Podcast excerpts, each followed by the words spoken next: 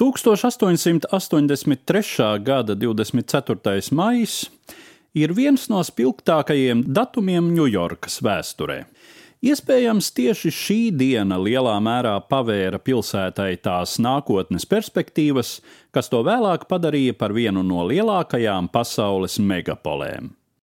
Šajā dienā tika atklāts tilts pāri East Riverai, savienojot Manhetenas rajonu ar toreiz vēl Ņujorkai nepiedarošo Bruklinas pilsētu, kuras vārdā tilts arī tika iedēvēts vispirms Ņujorkas sabiedrībā un presē, bet krietni vēlāk, 1915. gadā, arī gluži oficiāli.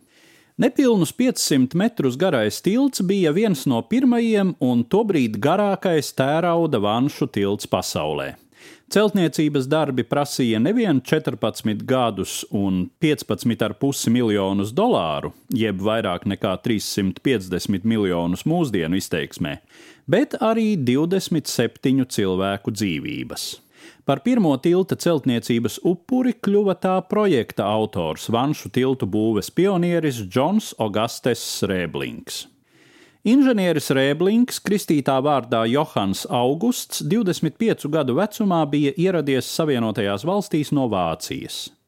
Pirms Bruklinas tilta viņš bija projektējis vēl vairākus piekaru tiltus, izstrādādams savu precīzu metodi konstrukcijas izturības aprēķināšanai.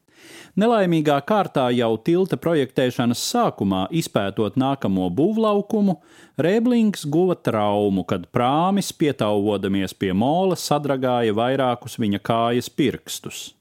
Ievainojums izraisīja stingumu krampju infekciju un nāvi dažu nedēļu laikā.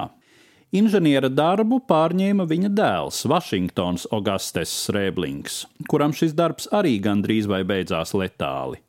Tilta balstu zemūdens daļas tika būvētas kesonos, kamerās, no kurām ūdeni izspieda ar saspiesta gaisa palīdzību.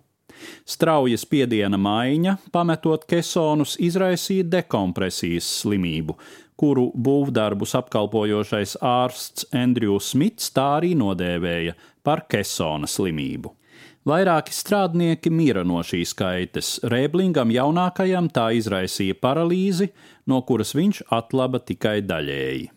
Vairāk nekā desmit gadus praktisko būvdarbu uzraudzību inženiera vietā veica viņa sieva Emīlija Vorena Rēblinga, kurai arī tika tas gods atklāšanas dienā pirmajai šķērsot jauno tiltu, līdzi pajūgā vedot gaili, uzvaras simbolu. Tikai pēc viņas pāri tiltam no Manhetenas puses devās Savienoto valstu prezidents Česters Ārturs un Ņujorkas mērs Franklins Edisons, kurus tilta otrā galā sagaidīja Bruklinas mērs Sets Lows. Un tad jau pāri tiltam sāka plūst gājēju un braucēju straume, tiltu šķērsojušo skaitam jau pirmajā diennaktī sasniedzot 250 tūkstošus. Stāstīja Eduards Liniņš.